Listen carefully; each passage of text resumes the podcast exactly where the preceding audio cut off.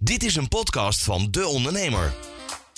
Op weg naar de Tweede Kamerverkiezingen op 17 maart is dit de podcastserie De Ondernemer kiest. Met interviews en reportages vanuit Den Haag. Met ondernemers en politici. De verkiezingen in ondernemerstaal. Welke plannen heeft D66 voor ondernemers? En hoe kan de vorming van een maatschappelijk-economisch team helpen om hen sterker uit de crisis te laten komen? Daar gaan we het over hebben in dit gesprek met als gast Sigrid Kaag, lijsttrekker van D66 en demissionair minister voor Buitenlandse Handel en Ontwikkelingssamenwerking. En ook aan tafel onze gastheer en de oprichter van ONL, Hans Biesheuvel. De Ondernemer kiest met Roland Tameling. Uh, ja, mevrouw Kaag, van harte welkom. Uh, om even met dat MET te beginnen, het ja. maatschappelijk economisch ja. team. Kunt u even kort uitleggen waarom dat nodig is en wat dat team zou moeten doen? Ja, absoluut. Ik breek er al tijden een lans voor. Ik denk uh, dat het ontzettend belangrijk is dat we vroeg in welke crisis dan ook, maar ook deze crisis, gaan nadenken over herstel. Uh, tegelijkertijd vind ik het belangrijk dat alle adviezen op wat betreft het virus natuurlijk gegeven worden door het OMT. Dat staat buiten kijf.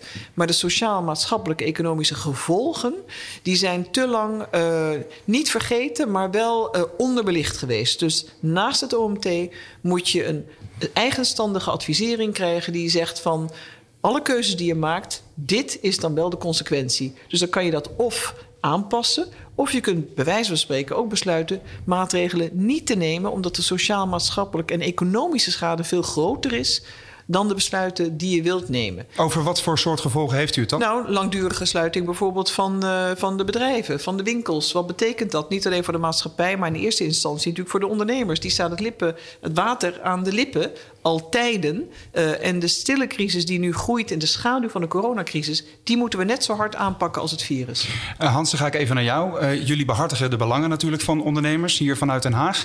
Wat is jouw gevoel bij dit voorstel? Nou, ik ben er blij mee dat mevrouw Kaag dat hier op tafel legt. Hè. Ik pleit er zelf al wat langer voor. Als je ja. nou als manifest kijkt, hè, we moeten het geld eerst voor verdienen. Ja. Zeggen we ook, het moet eigenlijk in drie fases. Je hebt nu heel veel steun.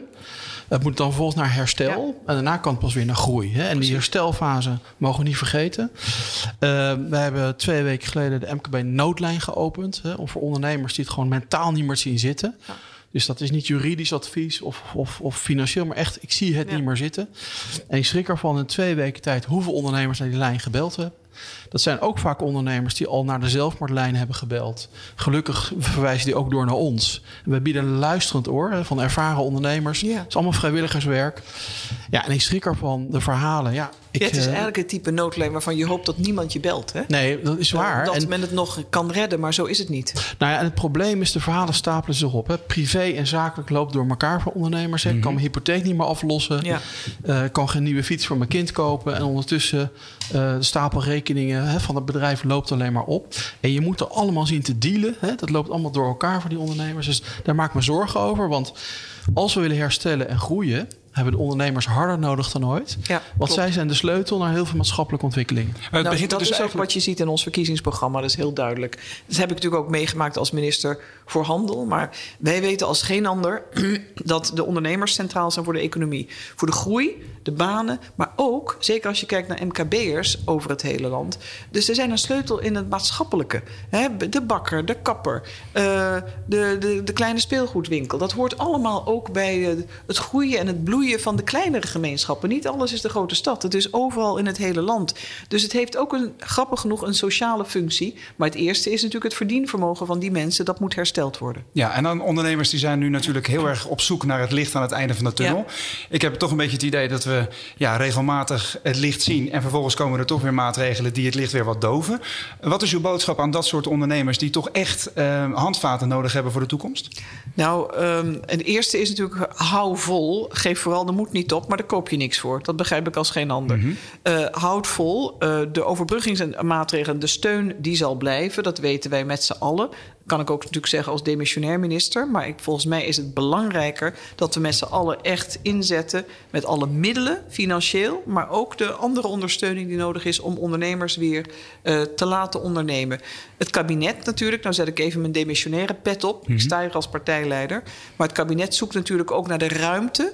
Uh, en wij zijn er als D66 heel uh, ja, forward-leaning in, om het zo maar te noemen. De ruimte die gegeven kan worden om verstandig en veilig toch weer die economische ruimte te kunnen geven. En kunt u dat tastbaar maken? hebben we geen grip op. Kunt u dat tastbaar maken? Hoe we dan die, die ruimte daadwerkelijk tastbaar kunnen pakken? Nou, die ruimte. Je moet natuurlijk kijken naar uh, de, de, de, versoepelingen die nu worden besproken. Uh, wat kan er wel meer? Uh, er, er, komt hopelijk nog meer aan dan men altijd laat lekken. Maar wat kan er dan wel meer voor winkels? Wat kan er veilig? hoe kun je een verstandig risico nemen? De aandacht gaat natuurlijk terecht uit, ook naar de jonge mensen, naar de scholieren en de studenten. We zijn allemaal ouders. En ik denk de meeste mensen die luisteren ook, of hebben kinderen die al groter zijn. We weten allemaal dat het onderwijs weer open moet, want dat is ook de toekomst van ons allemaal.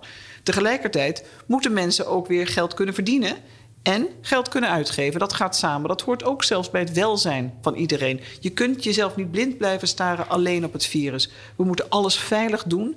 En de enorme zoektocht, en ik weet dat er enorm slim aan gewerkt wordt, ook door uh, VNO-NCW uh, en door Hans Biesheuvel met, met uh, NL. Het manifest. Het manifest. Ja. Iedereen zoekt hoe het kan en een beetje die sprong vooruit aan het nemen. De enige, de enige, het enige zwaard van Damocles wat altijd boven ons zal hangen... als het virus weer enorm toeslaat in die derde golf... ja, daar zijn we met z'n allen niet tegen bestand... behalve weer maatregelen om het weer in te dammen. En dat weet iedereen. Ja. Niemand wil dat de hele samenleving ziek wordt. Maar de economie kan ook niet het slachtoffer worden. Zo lang trekken we het niet meer. Dus ik denk dat alle initiatieven ook vanuit de brancheorganisaties zelf, die zijn ontzettend belangrijk. Zoals het testen, snel testen, veilig opengaan. Op een slimme manier. -hmm. Hans, als jij dan de ondernemers die bellen naar jullie noodlijn, wat voor signalen geven zij en wat hebben zij nodig van mevrouw Kaag? Nou, niet alleen van mevrouw Kaag, maar van het hele kabinet, denk maar, ik. Maar we hebben niet het hele kabinet hier staan. Nee, precies. als uh, D66-partijleider. Precies. Ja. precies. Maar goed, laten la, la, la, we zeggen wat we met elkaar nodig hebben. Dat lijkt me beter. Ja. Uh, is zorgen dat we inderdaad de balans hebben tussen ja, de risico's die er gewoon zijn. Hè, die, moeten ja. we, die moeten we met elkaar zien te, te, te managen. Aan de andere kant inderdaad maximaal kijken wat kan er.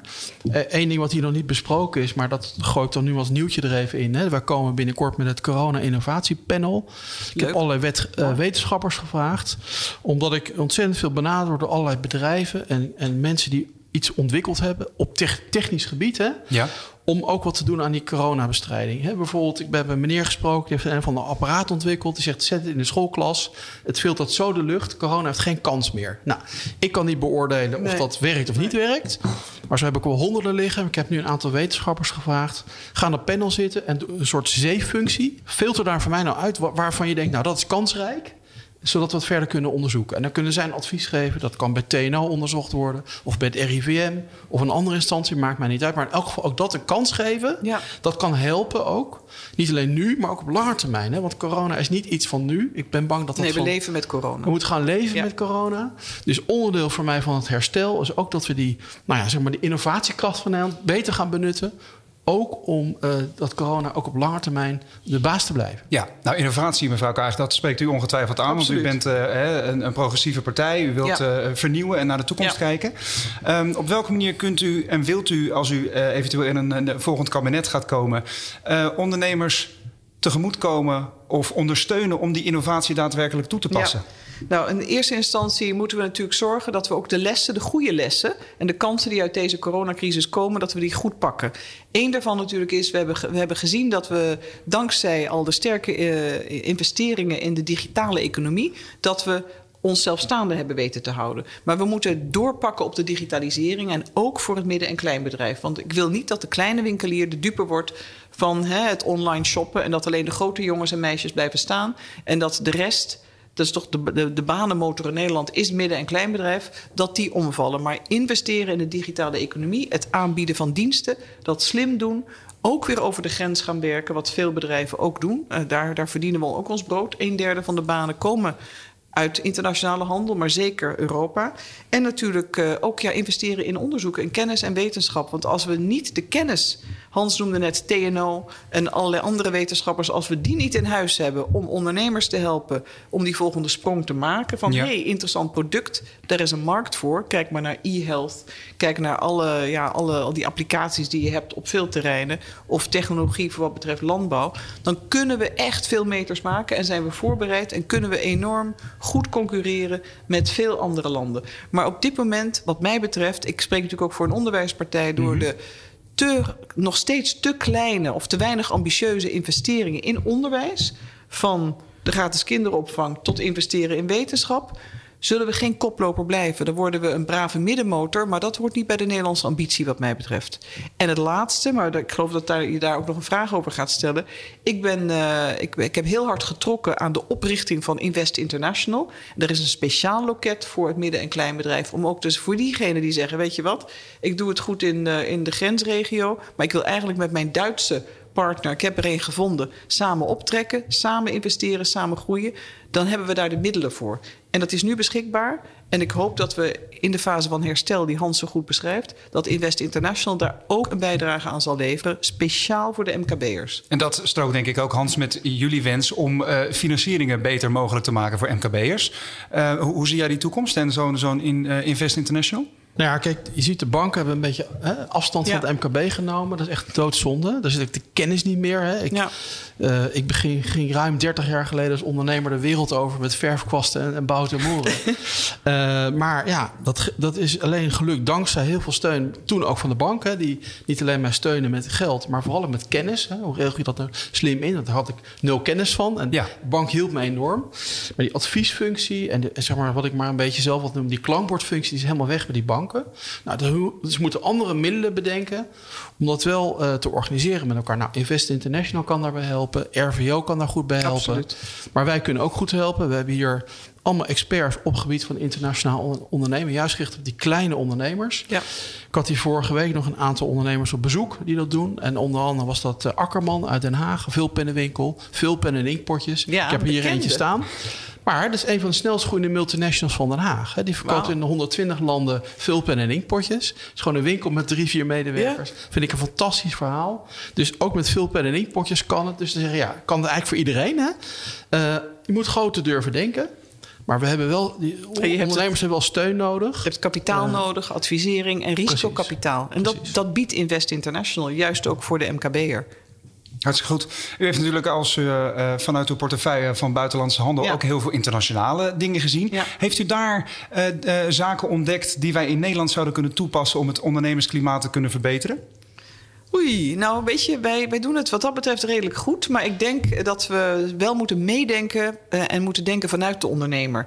En wat we altijd horen, zeker ook voor het midden- en kleinbedrijf... dat ze nog steeds het idee hebben dat ze gewoon de weg niet kunnen vinden. Dat begrijp ik heel goed. Mm -hmm. Door de wirrewar aan mogelijkheden. Dus het is er misschien wel, maar als jij het niet weet... en je komt er niet door dat labyrint van portalen waar misschien wel goede adviezen en eventueel geld zit, ja, dan, uh, dan, dan heb je het dus niet en je krijgt het niet. Dus het versimpelen van de procedures, minder bureaucratie. Dat betekent niet minder toezicht, maar het gewoon makkelijker maken voor ondernemers om keuzes te kunnen maken en gebruik te maken van de vele mogelijkheden. Dat is één. Nou, er zijn veel landen in Europa die denk ik net zo streng zitten, maar wij moeten weer wat dat betreft ook aan de kant van slimme risico's nemen, ook namens de staat ten faveur van ondernemers. Nu is het eigenlijk, dat heb je misschien ook een beetje aan de toeslagenaffaire gezien natuurlijk. Mm -hmm. Nu is het meer van bewijs maar eens dat je niet fraudeert. Of bewijs maar eens dat het niet misgaat in het kader van de ondernemer. Ja, dat weet je niet. Maar neem je een gezond, berekend, verstandig risico en is het zeer zeker de moeite waard.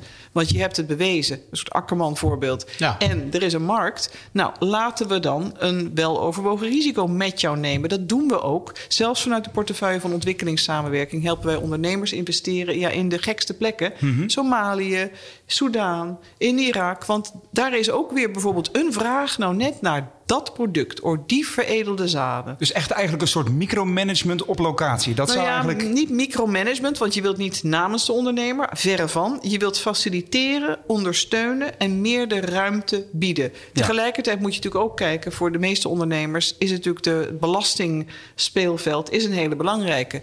Uh, wij willen natuurlijk een vergemakkelijking van het, het aannemen van mensen, maar het ook dat je kunt laten gaan. Dat je niet meer die last hebt dat je iemand, als je een vast contract geeft, dat ze als ze ziek worden, dat je nog twee jaar door moet betalen. Wij willen dat terugdringen naar een jaar. Dus mm -hmm. dat je het makkelijker maakt om mensen aan te nemen. Tegelijkertijd dat niet die kleine ondernemer met vier mensen in dienst en één is, is de hele tijd ziek, dat dat de hele tijd maar last blijft. Want er gaat een bedrijfje kan dat vaak niet aan. Dus het op het kleine en het grote. Ik wil nog één ding aanvullen op dat internationale stuk. Ja. Spreek me aan, maak het simpeler. Hè? Ja. Want we hebben met alle goede bedoelingen. En ik heb dat zelf nu. Dus, nou, ik ben in 86 begonnen. 35 jaar op de voet kunnen volgen als ondernemer. Met alle goede bedoelingen. Veel opgetuigd. Veel regelingen, veel loketten. Ja. Maar vind je weg er dan maar eens in. Ja, dus dat simpeler maken, helemaal mee eens. En veel van die instrumenten zijn nog, wat in mijn ogen, ook gebaseerd op de oude economie. Oude economie, klopt. Wat bedoel je daarmee? Nou ja, we hebben, we hebben tegenwoordig ook heel veel bedrijven waarvan kennis en digitalisering heel belangrijk is. Hè? Maar ja, dan heb je niet een pand met allemaal voorraden. En dat betekent als je dan financiering zoekt, ja, hoe, hoe regel je dan bijvoorbeeld je onderpand? Hè? Dus daar moeten we moderner over denken. We zijn een kenniseconomie. Ook die kennis kunnen we uitstekend verkopen in het buitenland.